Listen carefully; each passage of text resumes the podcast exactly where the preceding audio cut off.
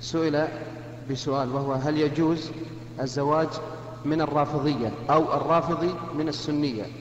فقال أنا أستقرب من هذا السؤال. من هذا السؤال يعني أن الرافضي أن الرافضي يتزوج من سنة فقال هذا لا بأس فهم مسلمون ونحن مسلمون. فما رأيك يا شيخ في هذه الفتوى؟ أرى في هذا أن من عنده خلاف هذا الرأي فليناقش الشيخ.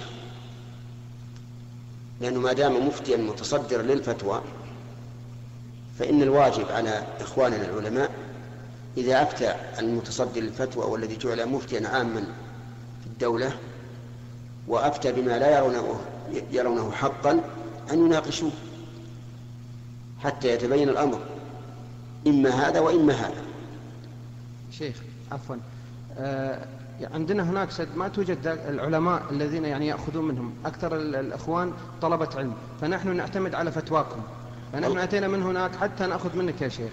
فنحن الناس لهم أذن صاغية إليكم. نعم. فجزاك الله خير لو أعطيتنا إن شاء الله. والله ما نستطيع أن نعطيكم وهو المفتي العام.